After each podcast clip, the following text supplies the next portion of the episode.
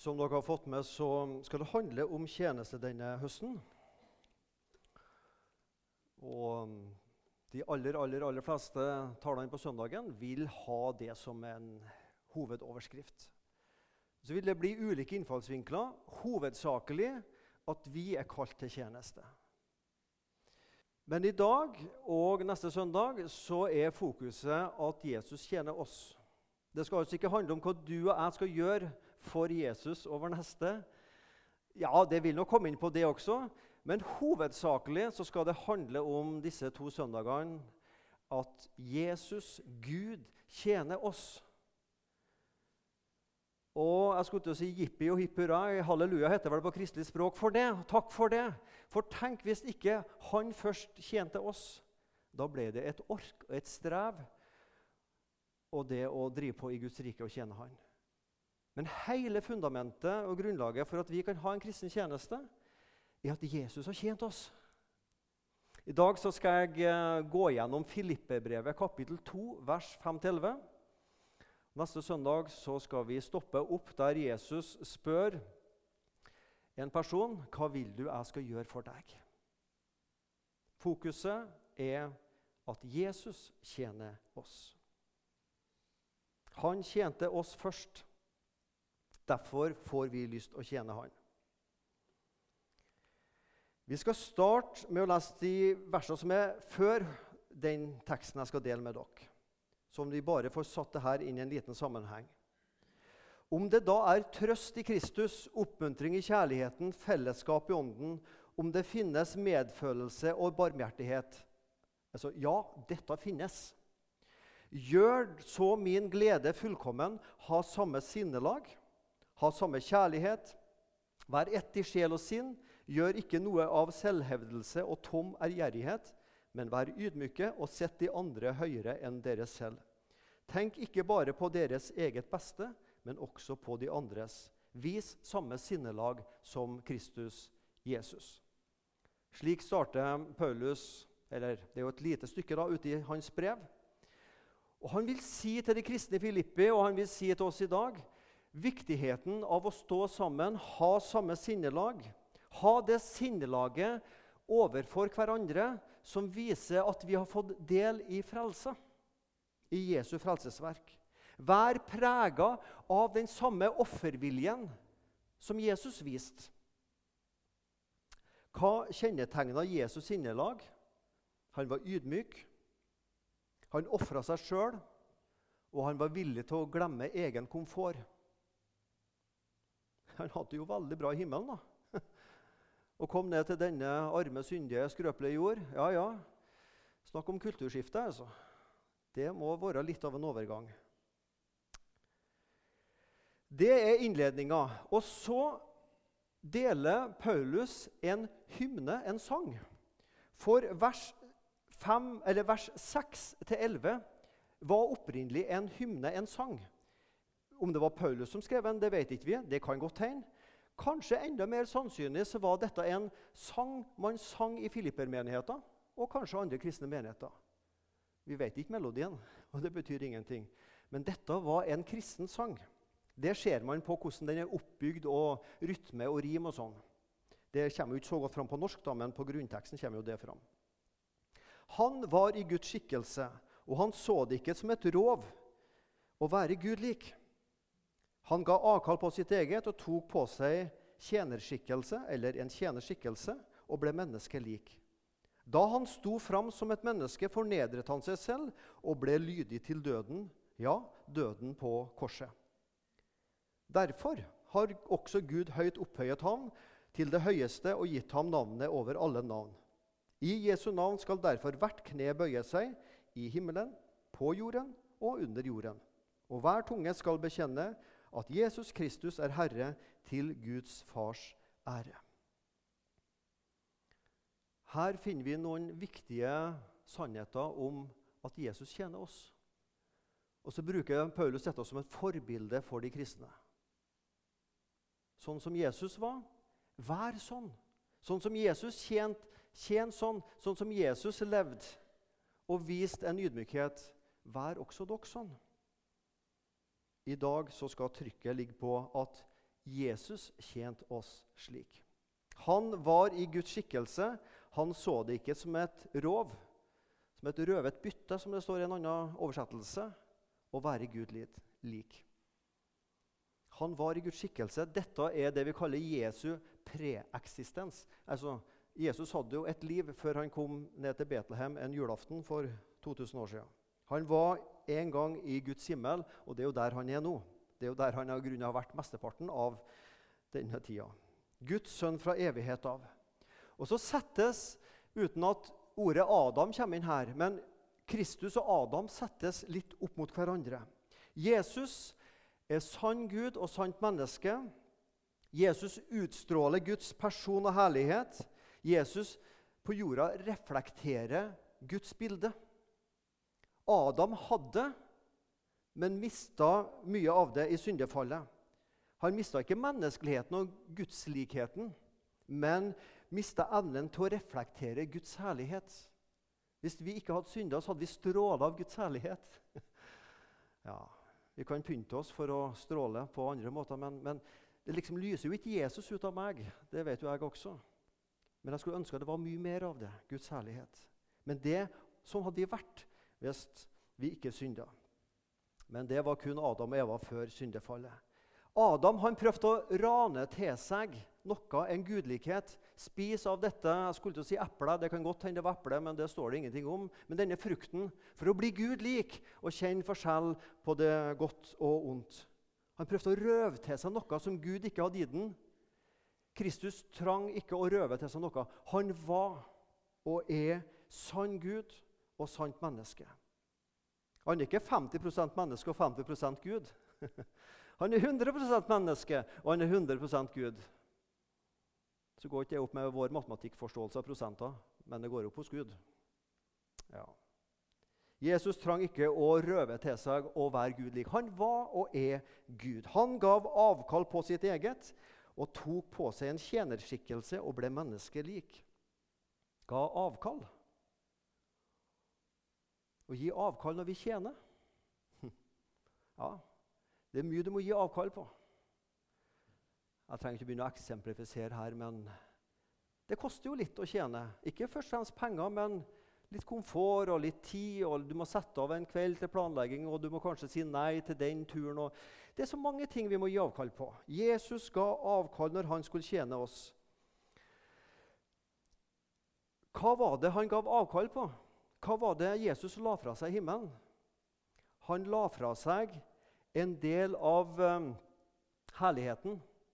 Men han la ikke fra seg guddommeligheten. Vi møter ikke en redusert Gud på jorda.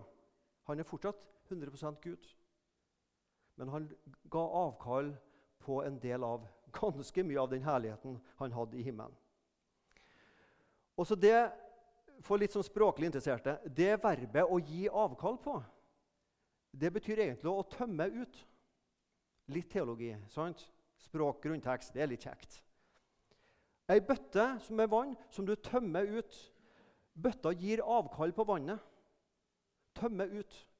Da Kristus kom til jord, så tømte han seg sjøl ut.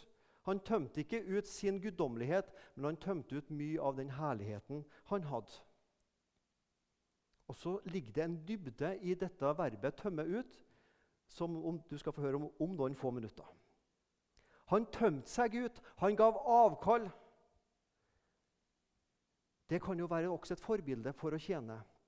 Det er noe du må tømme ut og gi avkall på for å være med å tjene andre mennesker og Gud. Og så ble han menneske lik det som heter på et fint språk inkarnasjonen. Å ta på seg kjøtt og blod. Det diskuteres mye om Jesus. Ja, alle er enige at Jesus var et menneske.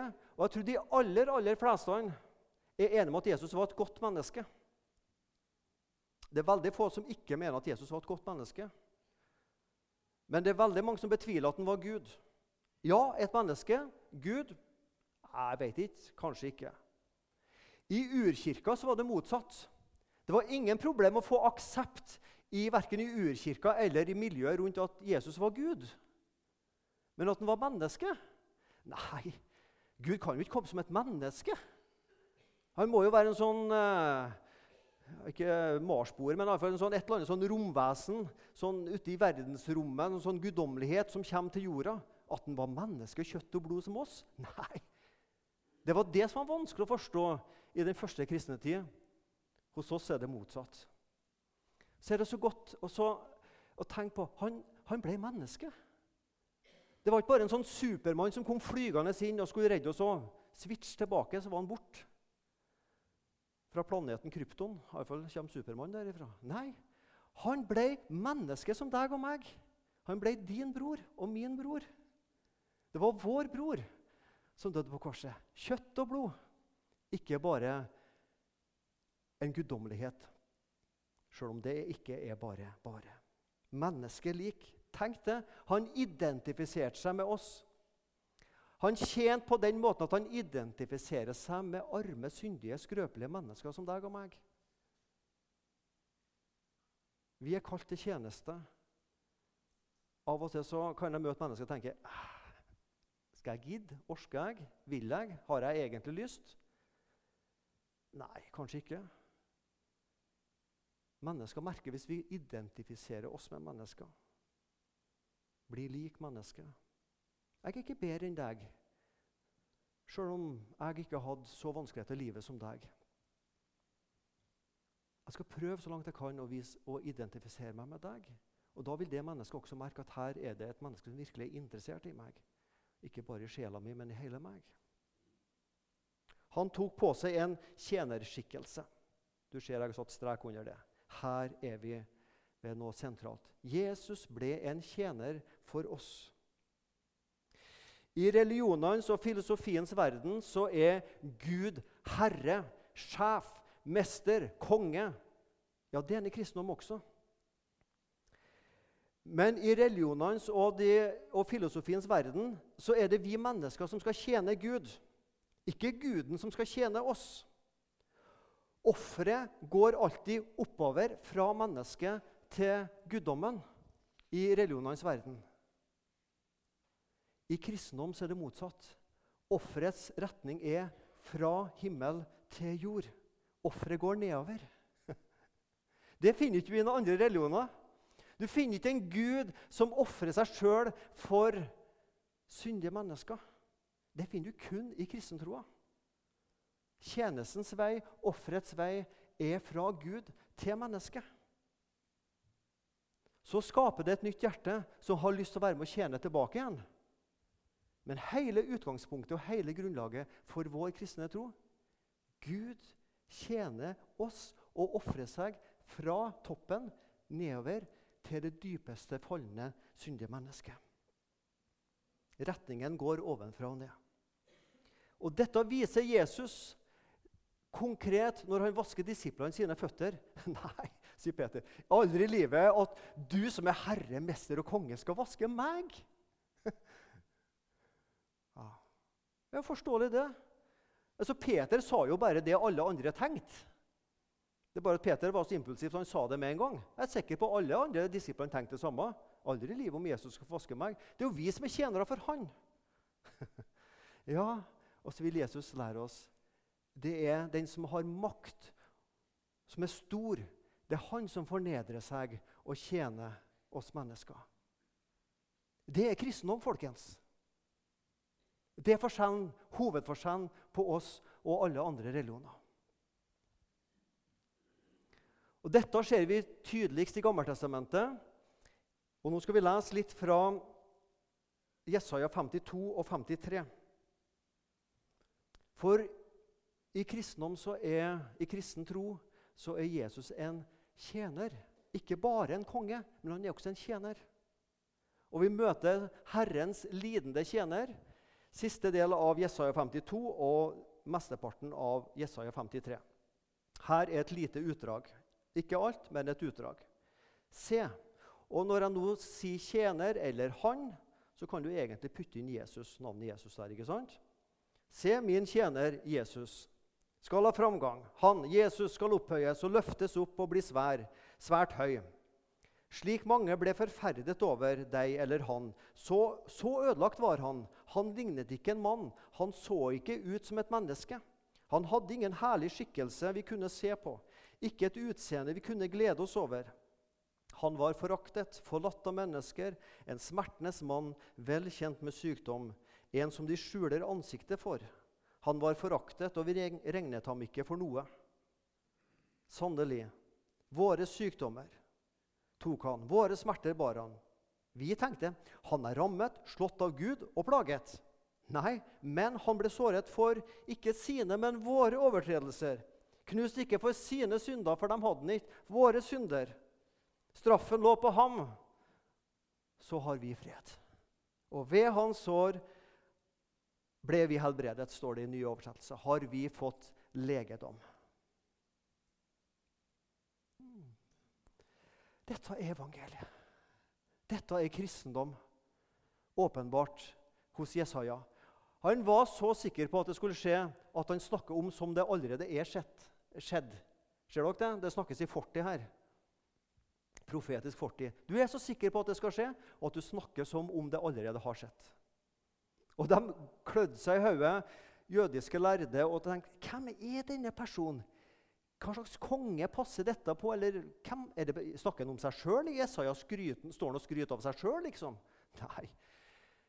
Nei, Han ser fram i tid. En dag skal det komme en som dør sånn.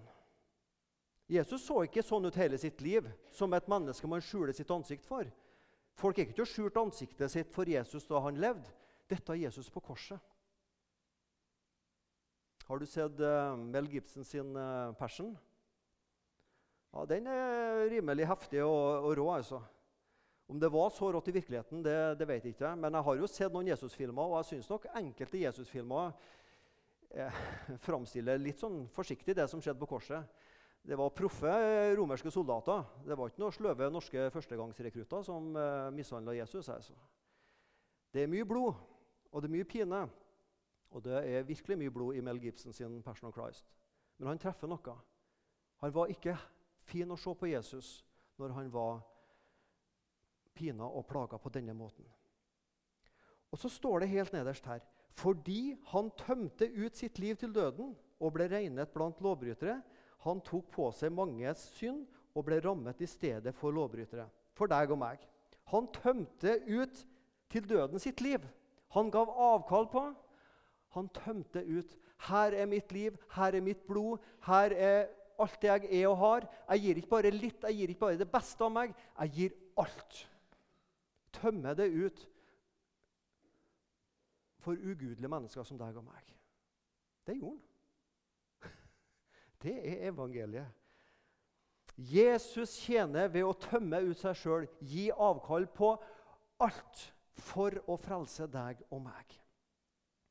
Vi møter Jesus som tjener villig til å gi avkall på himmelens herlighet, villig til å bli som et skrøpelig og dødelig menneske, villig til å tømme ut sitt liv og gå i døden for andre, og villig til å sette de andre, oss, framfor seg sjøl. For et forbilde å leve opp til, og for en frelser å tro på. Vers 8. Da han sto fram som menneske, fornedret han seg selv og ble lydig til døden, ja, døden på korset. Å fornedre seg sjøl Litt sånn museumsord. Det er sånn ord vi sjelden bruker. Å fornedre seg. Jeg måtte google for å finne en definisjon på å fornedre seg, og da fant jeg følgende. Fornedrelse er en tilstand, en handling eller prosess som medfører at noen taper sosial anseelse og blir sett ned på. Det er en sånn generell definisjon. Ikke spesielt religiøs, men ja. At du gjør noe som ingen forventer ut fra din posisjon. For å ta et eksempel. For noen dager siden var det gullbryllup for Sonja og Harald. Og Så har de fest på Slottet, og så er det middag. Og Så sitter de der, og så sitter statsråder og prominente gjester. ikke sant? Ja, Sånn er det på Slottet. Tenke seg til hvis kong jeg skulle si kong Olav. Nå lever jeg før i tida. Tenke seg til hvis kong Harald hadde reist seg opp og sagt folkens, nå går jeg på kjøkkenet og steller til middag. Det skulle ha blitt avisskriverier. Tenk hvis en konge har fornedra seg og gjort en jobb, en tjenerjobb som ingen forventa ut fra hans posisjon. Eller bedriftslederen som blir igjen noen timer etter alle andre ansatte har gått for å vaske eh, bedriftslokalet. For å ta et annet eksempel. ikke sant? Hvis du gjør noe som er liksom, ingen forventer ut fra din posisjon, da fornedrer du deg sjøl. Var det noen som forventer at Gud skal dø? Står det i noen religiøse skrifter at Gud skal dø? Vi kan se det litt i Gammeltestamentet ut fra Jesaja 52-53. Du finner det i ingen andre religioner at Gud skal dø. Ja, du finner kristen tro. Jesus gjorde noe ingen kan forvente av han. Kongenes konge. Ikke bare kong Harald, men kongenes konge. Ikke bare steller til en middag, men dør. Gir sitt liv for folk som spotter ham opp i ansiktet. For deg og meg. Hvem forventer sånn? Jo, vi, har hørt det så mange ganger at vi tar det for gitt. Vi har hørt det så mange ganger at vi hopper ikke lenger i stolen oh, er det sant? For vi vokste opp med det fra vi var små av. Og takk og lov for det. Men hvem kunne forvente at kongenes konge fornedrer seg sjøl til å døre, blir lydig til korsets død? På grunnteksten så står det 'til å dø på et kors'. Altså Til og med på et kors er en villig til å dø. Ja, Var det så spesielt? Ja, det er spesielt. Én ting er at det var en eh, sånn romersk avrettingsmetode som var ganske grufull. Men det for Gud sjøl å stige opp på et kors, som det står om i Mosebøkene, at den som blir hengt på et tre, er under Guds forbannelse. Én ting var spikrene og smerten og tornekrona hos Jesus. Ja, ja, ja. Men å bli forlatt av Gud, sin far det var den største fornedrelsen. Min Gud, min Gud, hvorfor har du forlatt meg? Ja, ja, vi sier det, og så Han, han erfarte, opplevde, han ble forlatt av Gud, sin far. Fornedra seg. Til og med lydig til å dø, til og med på et kors, og bli hengt opp under Guds forbannelse. Derfor har Gud høyt opphøyet ham til det høyeste og gitt ham navnet over alle navn. Derfor fordi han var villig og frivillig ga sitt liv og var lydig til korsets død. Derfor ble Jesus opphøya. Etter tre dager oppreist fra de døde. Det finner du heller ingen i, ikke i noen annen religion. Og 40 dager senere opphøyd himmelfarten tilbake til himmelen. Derfor, fordi han viste en tjenervillighet til å dø for syndere som deg og meg, Derfor ble han opphøya av Gud. Og fikk navnet over alle navn. Hva er navnet over alle navn? Og Da tenker vi fort Jesus. Det er det. Men det er et navn som er større enn Jesus, utrolig nok. Det er navnet Herren. Mange som heter Jesus. Det finnes til og med fotballspillere av og til hvis du ser på VM fra Brasil eller Spania som heter Jesus òg. Det er ikke mye frelse med dem. Kanskje redde de laget sitt fra å tape, men det er en helt annen sak. Jesus er ikke et Det er litt uvanlig, men ikke helt uvanlig navn. Men Herren Det er uvanlig, for det er det kun Gud som har. JHVH. Det var så hellig det navnet at man, jødene visste ikke hvordan det skulle uttales. Så de sa Adonai i stedet. Et annet navn for Herre. For de frykta å uttale navnet feil. Hm. Jesus har ikke bare blitt Jesus er ikke bare det, men han har blitt Herren. Han er Herren. Han er sann Gud. Vi har ikke en som er 98% Gud, og så er vi litt i tvil. ja, Kan han frelse oss da? Nei, han kan ikke frelse oss hvis han er 98% Gud. For frelsen må være fullstendig, fullt og helt. Han er Herren fullt og helt. Og det er Herren Gud sjøl som dør på et kors og gir sitt liv. Gir avkall på livet og tømmer det ut for deg og meg. Det er Herren Jesus. Jesus ble opphøya.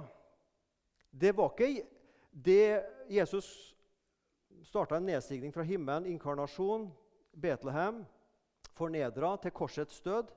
Derfor har Gud høyt opphøyet ham. Oppstandelse og himmelfart. Det å bli fornedra var ingen motivasjon. Altså, det å bli opphøya mente jeg. Det å bli opphøya var ingen motivasjon for Jesus til å dø. Jesus tenkte ikke skal jeg nå bli opphøya, så, så må, jeg vel, Jeg får bare dø, da, for å liksom få den opphøyelsen. Nei, men det var en konsekvens av at han var villig til å fornedre seg. Hvis jeg bare gjør den tingen der, og hvis jeg i bare passer på at mange nok ser på når jeg gjør det, så tenker de ah, Svein Anton han er en snill kar, ja, og han er virkelig flink til å tjene. Han var villig til å virkelig ta på seg noen skittjobber, ja. Og så her var det mange som fulgte med, ja. Jaha. Og så får jeg ære i menneskets øyne. Øyentjenere, ikke sant? Hvis æren og opphøyelser er motivasjon for å gjøre noe skittjobber, da har vi kommet feil ut. Det å bli opphøyet til Guds himmel var ingen motivasjon for Jesus for å dø. Men det var en konsekvens fordi han var villig til å dø for deg og meg. Ser du tjenersinnet? Det er ikke lønna han tenker på. Det er ikke godene som en dag skal komme. Men faktisk jeg motiveres fordi at jeg, jeg frelser mennesker. Ikke meg sjøl, men jeg frelser andre. Jeg hjelper ikke meg sjøl. Jeg kan stige ned av korset. Jeg kan få vekk de spikrene. Ingen problem for kongenes konge og herrenes herre. Men han gjør det for andre. Å, hvor jeg skulle hatt mer av det kjennersinnet. Jesus Kristus er fullt og sann Gud og menneske. Og siste verset så skal hver tunge bekjenne at Jesus Kristus er Herre til Gud Faders ære. Alle skal bekjenne og bøye kne. Paulus eller dem som laga denne hymnen, ser fram i tid til dommen, der også de vantro skal bekjenne en dag at Jesus Kristus er Herren. Da er det for seint. Ut fra disse to versene så har jeg lest til og med tidligere biskoper at man lærer det som heter universalisme. Jeg la oss en eh, tidligere biskop, trenger ikke å si navn, som sa det. Det står jo her at en dag skal alle bekjenne at Jesus er Herre. Da blir alle frelst. Ingen helvete. Alle blir frelst. Det er virkelig å overtolke det som står her. Det står ikke her en universalisme, at alle til slutt blir frelst. Men det fins en frelse for alle, bare vi velger å tro. Jesu tjeneste og sinnelag blir tydeligst fremstilt på korset. Der møter vi Jesus som tjener for syndere som deg og meg. Og Når Paulus tar med denne hymnen, her, så er det for å inspirere de kristne i Filippi til å tjene. Men når Jesus dør, så er det gjerne en inspirasjon til tjeneste, men det er først og fremst en offerdød for deg og meg. Det er fint når vi kan bli inspirert av Jesus' sinnelag til oss sjøl å tjene, men først må vi møte Frelseren, som ga sitt liv for oss. Ellers så blir det rekkefølgen feil. Jeg må først legge ned mitt liv og si hvis jeg ikke får del i Jesu frelse og Jesus soningsverk, så driver vi bare med noen religiøse aktiviteter. Men når jeg virkelig får se hva som skjedde på korset, der han ga sitt liv for meg, så skapes noe ny, nytt i oss. En ny lyst. Ja, det er klart jeg vil være med å tjene Han og tilhøre Han. Har du hørt eh, om en person som heter Didrich Bønhofer? Mange har nok hørt det navnet. En tysk teolog på 30-40-tallet. Han var ganske imot Hitler, for å si det sånn, så han ble tatt av dage under andre verdenskrig. Han skrev en del bøker. Og han, I en av sine bøker om nåde så snakker han om billig nåde. Billig er den kristendom som er uten kors. Billig er den nåde som er uten oppgjør og uten offer. Billig nåde er den nåden vi gir oss selv. Kostbar er den nåden vi mottar i Kristus. Altså, det er en sånn tyngde her, og det er en sånn fylde. Og det er så mye tro her. Dette er min tro. Dette er mitt liv. Det er dette jeg vil ha. Jeg vil ikke ha billig nåde. Nåden er gratis, men det kosta Jesus alt å frelse oss. Og Hvis vi tror at, tror at vi kan i bygge litt på vår vei til Gud, og så kommer Jesus og gjør resten med sin nåde, da er det ingen billig nåde. Eller da er det jo billig nåde, mener jeg. Det er jo det det er. Hvis vi tror at jeg med mitt verk, jeg med min tjeneste, jeg med min bønn, jeg med min bibellesing kan bygge en vei til Gud, og så kommer Jesus med resten med nåde, da er det billig nåde. Da er det ingen oppgjør. Da er det ingen kors. Da er det ikke noe offer lenger. Men da bærer jeg sjøl fram mitt offer til Gud. Nei, billig er den kristendom som er uten kors. Billig er den nåde som er uten oppgjør og uten offer. Billig er den nåde som vi gir oss sjøl, for det er jo ikke vanskelig. Men kostbar er den nåden vi mottar i Kristus. Nåden er kostbar fordi den koster Jesus livet. Nåden er nettopp nåde fordi den gir oss del i livet. Derfor er det som er kostbart for Gud, det må ikke bli billig for oss. Amen.